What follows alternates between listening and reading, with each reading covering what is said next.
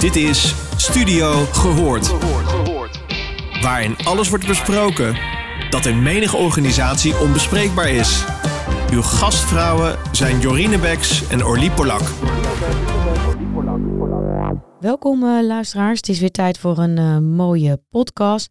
Ik zit in de studio met uh, Adelka Vendel en met Jorine Beks uiteraard. Welkom dames weer. Welkom, dankjewel. Adelka is psychologe, docent aan de Hogeschool van Arnhem en Nijmegen, verbonden aan de Q Leuven, onderzoeker en schrijver. Adelka past in haar werk provocatieve psychologie toe. En we hebben eigenlijk helemaal geen idee wat dat is. Dus um, nou ja, reden genoeg om uh, Adelka's te vragen in de studio te komen en eens uit te leggen, wat is dat? Provocatieve psychologie. Ja, wat is dat? Nou, heel leuk dat jullie geïnteresseerd zijn. Wat het is, het is een manier van beïnvloeden. Eigenlijk ben je mensen aan het beïnvloeden, maar dan op een hele uitdagende manier.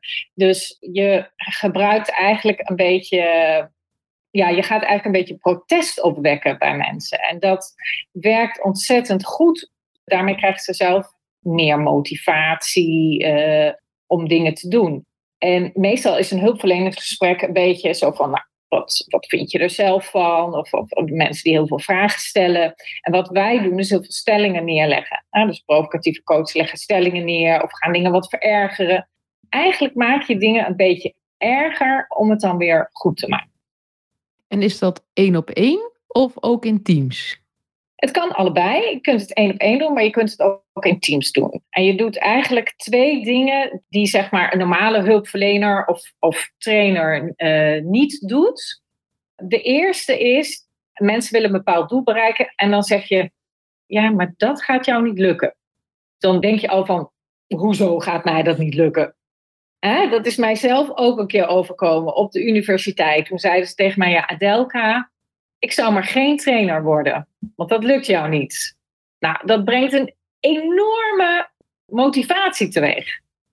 Op heel veel verschillende manieren zeggen wij tegen de cliënt, nou, dat gaat jou niet lukken. Dus blijf maar gewoon even zoals je bent. Ja, heel bijzonder. Want ik denk dan ook, hoe dan? Hoe werkt dat dan? Ja, en moet je een bepaald type cliënt zijn? Dat je niet daardoor zeg maar nog verder in je schulp wegschiet? Nou, dat is een hele goede vraag. Want nee, dat is niet zo. Het is wel zo dat je moet leren hoe je dit moet doen. Want je gebruikt heel veel humor, maar het is niet in de vorm van grappen maken. Het is eigenlijk een liefdevolle plagerij die je, nou ja, die je eigenlijk iedereen automatisch gebruikt, bijvoorbeeld bij de kinderen. Dan zeg je, niet je boontjes opeten hoor. Niet je boontjes opeten. En dat gaat het kind echt heel erg prikken en die boontjes opeten. Ja, wat het eigenlijk is, als je iemand op een zorgvuldige en humoristische manier provoceert, dan heeft hij eigenlijk de neiging, de cliënt, om in tegenovergestelde richting te veranderen. Dus uh, stel, laten we gewoon een voorbeeld nemen van iemand die het heel lastig vindt om sociaal contact aan te gaan wat ik dan doe, dan zeg ik van ja, maar jij bent nou eenmaal een muurbloempje. En je bent niet in staat om op iemand af te gaan. En wat je dan krijgt, is dat mensen gaan protesteren. Ja, dan gaan ze ja, maar nee, maar dat wil ik wel. Dat wil ik. En dan zeg ik niet van, u kunt dat niet. Maar ik zeg dan, nee lieverd, maar dat kan jij gewoon niet. Dat zit niet in jouw aard. Merk je het verschil tussen deze twee? Die merk ik zeker. En is dat ook omdat mensen heel erg beschermend zijn over hun eigen identiteit. Dat ze het aanvallend vinden dat jij eigenlijk iets zegt over wie zij zijn. Dat ze daarom in de verdediging schieten of denken van, hé, maar is helemaal niet waar wat je zegt, ik kan dat eigenlijk wel. Ja, dat is de menselijke natuur. Dat, dat doen kinderen, maar dat doen volwassenen ook dan krijg je een soort motivatie die jou meesleept om het tegenovergestelde te bewijzen. Dat is eigenlijk net als min en plus, die elkaar aantrekken, die gaan naar elkaar toe. Dus als je tegen iemand zegt, ja, dat kun jij niet, kun je twee dingen verwachten. Het, enige, het ene is dat iemand zegt van, nou ja, dat klopt eigenlijk wel, want dat is er ook, hè? Ik bedoel, ik kan ook niet alles. Dus er zijn sommige dingen waarvan ik denk, ja, nee, ik, dat, dat, dat gaat mij gewoon niet lukken. Er moet zoveel moeite in steken. En dan krijg je echt een daadwerkelijke acceptatie van iets wat je niet kan. Dus dat is oké, dan ga je andere dingen ontwikkelen. Of je krijgt protest. En die protestreactie, die is heel goed. Maar er zijn heel veel hulpverleners zijn er bang voor. Want die denken, ah, iemand wordt heel boos. Maar die wordt eigenlijk boos op zijn eigen gedachten. Jij zegt hulpverleners, hè? Ja? Dus dit, is het specifiek iets voor de hulpverlening? Of is dit ook tussen haakjes voor normale teams? Dat is heel suf om normaal ervoor te zeggen. Maar in organisaties, laat ik het anders verwoorden. Pas je daar ook toe in coachrol? Ja, in de, je kunt het als teamcoach, maar ik noem dan iedereen eigenlijk hulpverlener. Een, een, een consultant is ook eigenlijk een hulpverlener, maar dan voor in bedrijven. Het is een beïnvloedingsmethode. Het is een manier om mensen te beïnvloeden. Mediators, consultants, trainers in bedrijven, leidinggevenden kunnen dit gebruiken. Ik vind het enorm intrigerend. En wanneer heb je het nodig? Om dit te doen? Het klinkt voor mij als een optie. Weet je, je hebt verschillende manieren om beweging te creëren. Ja. Ja. En dan ben ik heel benieuwd naar dat je zegt, maar als dit aan de hand is, als je zo'n situatie hebt, probeer dit dan een keer. Nou ja, dan, je kunt kijken naar als je met een team bezig bent of met een individu en je denkt van god, ik ben alsmaar in hetzelfde kringetje, ik, ik dring maar niet door. Iemand komt weer terug en diezelfde vraag blijft maar weer komen. Het is een manier om een doorbraak te creëren. Maar het is niet zozeer dat je dat heel specifiek van nou deze en deze problematiek. Het ligt eigenlijk meer aan degene zelf. Wanneer zou je het kunnen gebruiken? Als jij iemand bent, en dat komt ook uit de onderzoeken die ik doe naar humor en, uh, en therapie. Als jij iemand bent die het al van nature leuk vindt om een beetje te plagen, uit te dagen, een dolletje uh, te doen met mensen, dan ligt dat heel dicht bij je natuur. En dan is dit een hele leuke manier om te ontwikkelen. Omdat je moet het wel ontwikkelen, omdat je op een goede manier de humor moet gebruiken. Dat is toch Eigenlijk... interessant. Wat je zegt humor en je doet daar onderzoek naar. Ja. Wat blijkt uit jouw onderzoek van humor? Een van de belangrijkste dingen is dat als je humor gebruikt, je een heel goede relatie krijgt met je cliënt. En ook met je groep. He, dus als eerste, en daar hebben we het net ook al over gehad, is dat als een docent bijvoorbeeld humor gebruikt in een school, de inhoud veel beter onthouden wordt. Dat hebben ze gezien bij mensen, dat ze meer weten over, over die les als je humor gebruikt. Maar ook is het zo dat als je relatie beter wordt met je cliënt, doordat je een dolletje pleegt, diegene ook veel authentieker en spontaner gaat reageren. En dat moet je hebben bij als je mensen wilt beïnvloeden. Want mensen zijn vaak heel erg op hun hoede. dus die zeggen niet altijd echt eerlijk hoe het zit. Terwijl als ik ze met humor en met plagerijen benader, dan zijn ze veel sneller geneigd om te zeggen van, nou ja, zoals net als ik zeg van ja, maar dat kun jij niet echt mensen zomaar aanspreken en zeggen: Hi, ik doe dit en dat. En uh, ik, ik ben psycholoog en ik hou van mijn werk. Ja, maar nee, maar dat kan ik wel. Hè? Dus dat is veel spontaner. Daar is de reactietijd om een bedachte reactie te geven is veel kleiner, omdat het je emotioneel heel erg raakt. Dus het reflex. Het is een soort reflex. En, de, en door die provocatieve psychologie haal ik die reflex naar boven. Dus ik heb andere resultaten dan als mensen die veel vragen stellen. Of die meer dus meepraten, of meer de koedie, ja, koedie koedie is niet aardig om te zeggen, maar meer zeg maar de, de zachte hand, of het, meebewegen, of het proberen positief te stimuleren, dat kan ik me voorstellen. Maar wat je net ook al zei, dit moet je wel kunnen. Dus even los van het feit, past het bij de type cliënt, hè, of bij de situatie wat, uh, waar we het net over hadden? Past het bij jou als mens om het te doen? En wat zijn risico's als het nou net niet past? Wat, wat kan er misgaan? Even voordat iedereen nou denkt, dit ga ik direct doen. Ik ga direct gewoon lekker confronterende, provocerende grapjes maken. Ja, de risico's, ja, dat is eigenlijk is het zo dat je zelf goed getraind moet zijn. Je moet je heel veilig in jezelf voelen. Want als iemand weerstand gaat bieden, dan kan je dat interpreteren als van, oh, ik heb iets niet goed gedaan. Maar je moet zo getraind zijn dat je ook die weerstand weer kunt uitleggen in van, oh, wat goed dat je weerstand toch, dat is juist een, hè, ook uh, een bewijs van ja, je problematiek. Dus dat je te snel gaat opgeven. Je moet een beetje blijven kunnen plagen. En ik heb nog een andere vraag, want je bent psycholoog, hè? Heeft het ook te maken met onze neiging om dissonanties op te heffen? Dus ik, ik doe iets en ik heb een bepaalde overtuiging. En dan confronteer jij mij met iets wat niet strookt met mijn overtuiging. Dat ze daar, daarom vaak in de weerstand gaan? Ja, dat klopt. Maar dat doen gewone, zeg maar, coaches ook. Alleen doordat ik humor gebruik, is het een soort, nou ja, levertraanpil in een gebakje. Dat betekent dat ik wel, ik zeg wel van, oh, maar dat kun jij niet. Maar ik zeg het op zo'n lieve, nieuwsgierige toon, dat mensen, als het goed is, niet boos worden op mij. Dus die cognitieve dissonantie die er is, die kun je makkelijker handelen met provocatieve psychologie. Mensen beginnen ook gelijk al te lachen. Als ik zeg van, nee, maar jij zult nooit iemand zijn die op mensen afstapt. Dan beginnen mensen te lachen. Terwijl als ik op een keurige manier feedback geef, hè, nou ja, ik zie dat je niet op mensen afstapt, uh, dat zou wel heel moeilijk voor je zijn. Wat zou een manier zijn om dat wel te kunnen? Dan hebben mensen gelijk zoiets van, huh, kan ik dat niet? Waarom kan ik dat niet? Dus door te durven die overtreffende trap te nemen als begeleider, is er een soort losmakingsproces. Mensen gaan lachen en zeggen van, ja, het is ook eigenlijk wel zo. En daardoor voelen, en het is heel menselijk, daardoor voelen ze zich niet meer alleen maar betrapt, maar ook geaccepteerd. En dat is heel belangrijk. Bij feedback voelen mensen zich te vaak, als je dat heel keurig doet, heel betrapt alleen. En dat is jammer. En je werkt ook in, in groepen, volgens mij. Heb je dit alles toegepast in een, uh, ja, wat lastige, homogene organisatie, waar veel druk op de ketel staat, waar je een beetje pittig leiderschap hebt? Noem maar even iets als uh, publieke dienstverlening of zo? Ja, nou ja, goed. Ik, uh, ik train heel veel bij de KLM. En uh, wat ik daar heb gedaan, we hadden een team en dat team dat wilde geen eigen verantwoordelijkheid nemen. Dus we gingen gewoon acties opschrijven die iedereen moest doen. En dat met behulp van het team. En dan moet je zien, het waren net een soort 15 pubers, waarvan je zei van oké jongens, wie gaat de kamer opruimen, wie gaat de bed opmaken? En het bleef gewoon ijzig stil.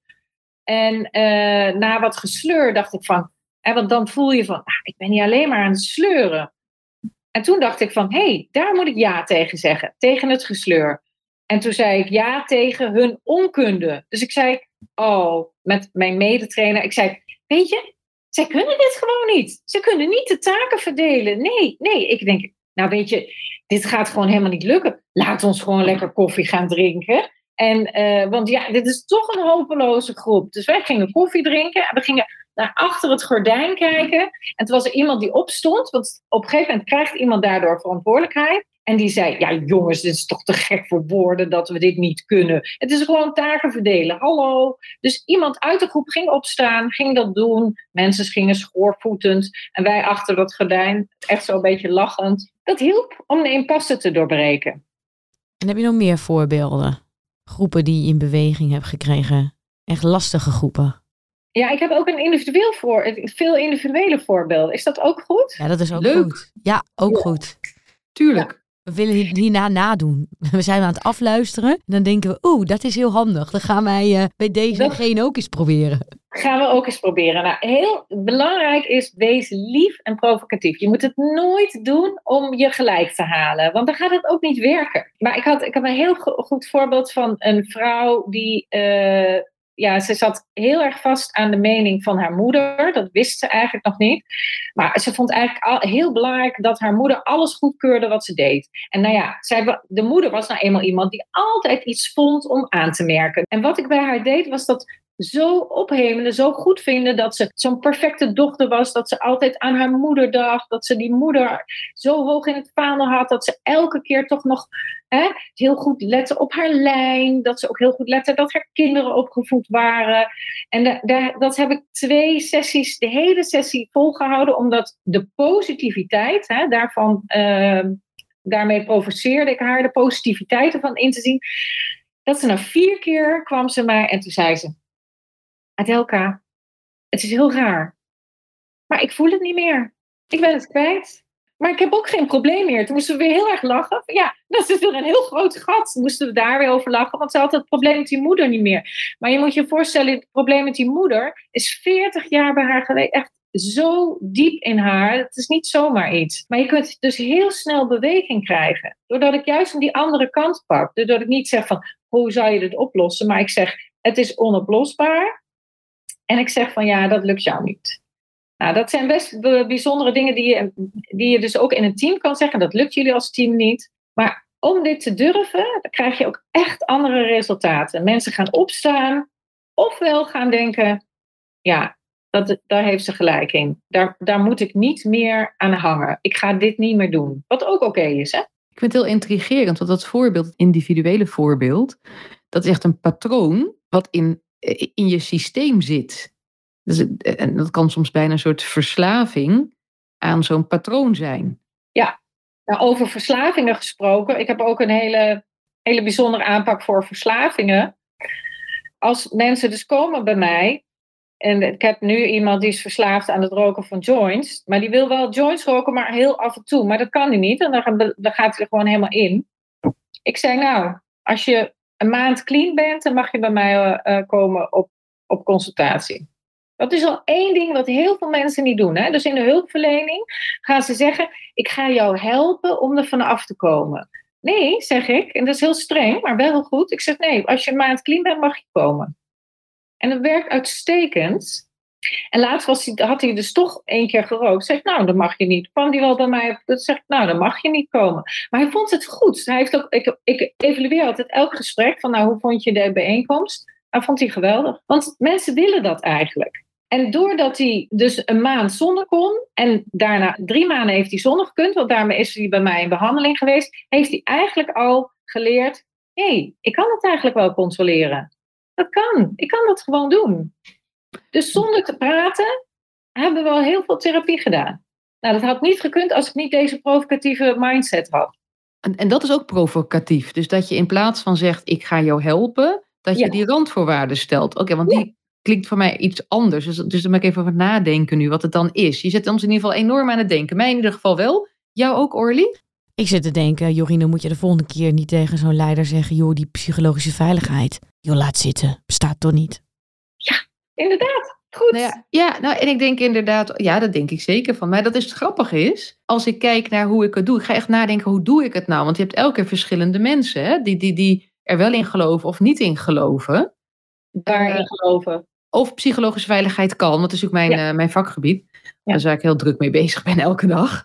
Uh, en ik ben ook afgestapt van overtuigen al een hele tijd geleden. Ik kan uitnodigen en als het er niet is, dan is het er niet. En, en dat werkt dus ook altijd. Dus, maar ik heb nooit er een, een, een labeltje aan gehangen. Maar als iemand erover begint, ja maar. Ik zeg, joh, weet je, maar als, het een, als jij denkt dat het niet kan, of wat dan ook, joh, dan niet. Dan niet. Dat werkt ook al heel vaak, dat mensen dan toch denken, ja oké, maar het is wel belangrijk. Dat ze het wel begrijpen. Maar op het moment dat je dus gaat zeggen dat het belangrijk is en wat iemand moet ontwikkelen, et cetera, dan kan je ook juist die tegenbeweging krijgen. En als je die anderen benoemt, joh, weet je dan niet, wie ben ik hè? Dan krijg je beweging. Dus wat je zegt, dus ik heb eigenlijk niet zo bij stilgestaan. Dus ik ben enorm aan het denken gezet van, ja, want, want ik ben dol op. Ja. Het is eigenlijk het begin, dat is heel leuk. Je doet een begin van een provocatief. Ja. Alleen het extra van het provocatieve is dat je niet zegt van, nou joh, ieder zijn mening. Maar dat je dus gaat zeggen, ja, die psychologische veiligheid. Wat is dat toch voor gelul? Dat kun je nooit ja. krijgen. Uh, ja. Houd toch maar op. Achter zijn alleen maar bureaus, worden er alleen maar rijk van. En uh, dat gaat toch niet gebeuren. En, de, en als je dat op een leuke, speelse, plagende manier doet, gaan mensen nadenken. En dat is die extra, dat is wat ik mensen leer, om dat durven door te zetten. En uh, dus niet de cliënt te laten vallen of het team te laten vallen. Maar elke keer als ze zeggen van ja, maar hoe moet dat dan? Ah nee joh, dat kan niet. Ah, nee, we gaan het wel. Nou oké dan, ik wil jullie wel ergens mee van dienst zijn. Nou, en dat is het begin van een hele speelse samenwerking. Het is ook heel speels. Ja. Heb ik toch nog een laatste vraag. Want in je introductie uh, hebben we natuurlijk al verteld dat je onderzoeker bent. Ik ben zo benieuwd hoe je dit onderzoekt of dit werkt. Nou ja, ik ben eerst bezig met een literatuuronderzoek. Dus dan kijk ik van wat is er allemaal aan literatuur geschreven over humor in therapie. Nou, daar is best veel over geschreven. Dus inderdaad over die relatie, over dat je problemen op een andere manier kunt bekijken. En het geeft ook heel erg mooie creatieve momenten. Dat mensen zoiets hebben van, oh, wat zie ik dat nu helder in één keer? Nou, dat zijn dingen die eruit komen. En die hang ik aan wat ik zelf zie in de praktijk. En ik laat mijn uh, cliënten allemaal een vragenlijst invullen. En ook vragen van, goh, was er humorgebruik? En wat, wat was dan het effect van humorgebruik? En een van de dingen die zo vaak komen, is dat mensen zeggen: Het lijkt wel alsof mijn probleem, dat heel vast was, ineens een beetje lichter is geworden, gasvormig. Ik kijk er anders naar. Ik doe niet anders, maar Het is lichter geworden. Ik denk dat dat het mooiste is van die provocatieve psychologie. Ik ben niet gebrand op dingen op te lossen, want heel veel dingen zijn niet op te lossen, maar zijn wel lichter en fijner te bekijken. En dat is de absolute winst. En wat ik mooi vind wat je aangeeft, is dat het ook gaat over zelfregie. Dus jij zet mensen aan de eigen verantwoordelijkheid. En, en wat ik ook interessant vind, is je zet aan, wat je ook noemt, je kietelt als het ware protest. Je zei net ook, nam je het woord volgens mij in de mond, weerstand. Hè? En bij weerstand denken de meeste mensen toch over ja, aan hakken in het zand. Jemig, dan moet je helemaal gaan trekken en sleuren. Maar jij buigt hem om. Weet je, zonder protest, geen eigenaarschap of zo. Weet je, dit is echt een ander iets. En, en daarbij ook een soort nuchterheid, boerennuchterheid. En ja. Precies. En het is eigenlijk, mijn, mijn houding is, en dat klinkt heel raar, maar I don't give a fuck. Dat betekent heel erg, ik hou heel erg van mijn cliënten, maar welke kansen opgaan maakt niet uit. En dat is heel belangrijk, want ze kunnen mij nooit in een richting krijgen. Van dat ik vind van, nou doe nou maar wel, ga nou maar wel die mensen kennis maken. Nee. En dat geeft enorme eigenaarschap. Mooi. Nou, dankjewel voor deze provocatieve podcast. Haha. Uh, en uh, ja, voor een andere kijk op hoe je mensen in beweging brengt. Dankjewel. Ja, graag gedaan.